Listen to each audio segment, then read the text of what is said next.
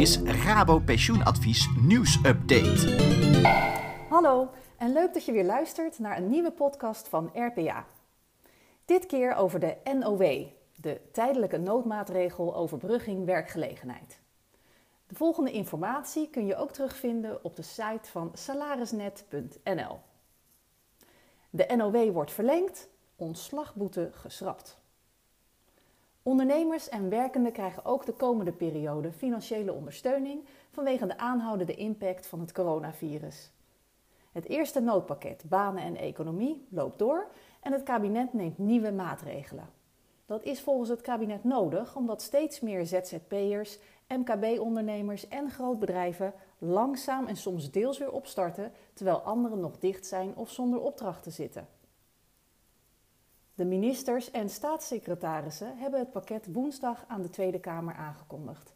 Deze maatregelen volgen op het eerste noodpakket van 17 maart en diverse tussentijdse economische regelingen, waarbij bijna 1 op de 5 Nederlandse werkenden inmiddels zijn ondersteund.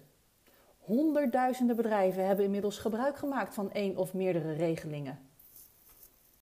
Een ondernemer die minstens 20% omzetverlies verwacht, kan vanaf 6 juli aanstaande een tegemoetkoming in de loonkosten aanvragen bij UWV voor juni, juli en augustus.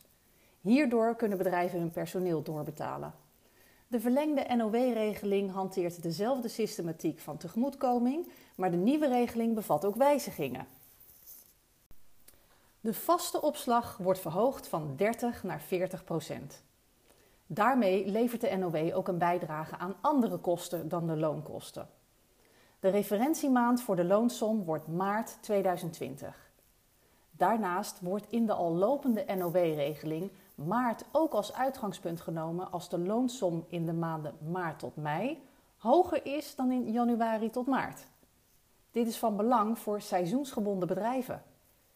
Verder mag een bedrijf dat gebruik maakt van de NOW over dit jaar geen winstuitkering aan aandeelhouders doen geen bonussen aan het bestuur en de directie uitkeren en geen eigen aandelen inkopen. In de NOW 2.0 blijft de correctie op de subsidie bij ontslag bestaan, maar de subsidie wordt niet meer extra verlaagd bij bedrijfseconomisch ontslag.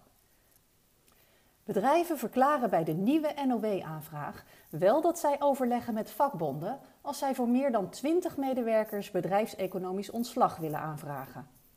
Dit sluit aan bij de regelgeving rondom collectief ontslag. Ook blijft de wettelijke bescherming bij ontslag gewoon van kracht. Werkgevers die de NOW aanvragen, worden verplicht om hun werknemers te stimuleren om aan bij- en omscholing te gaan doen.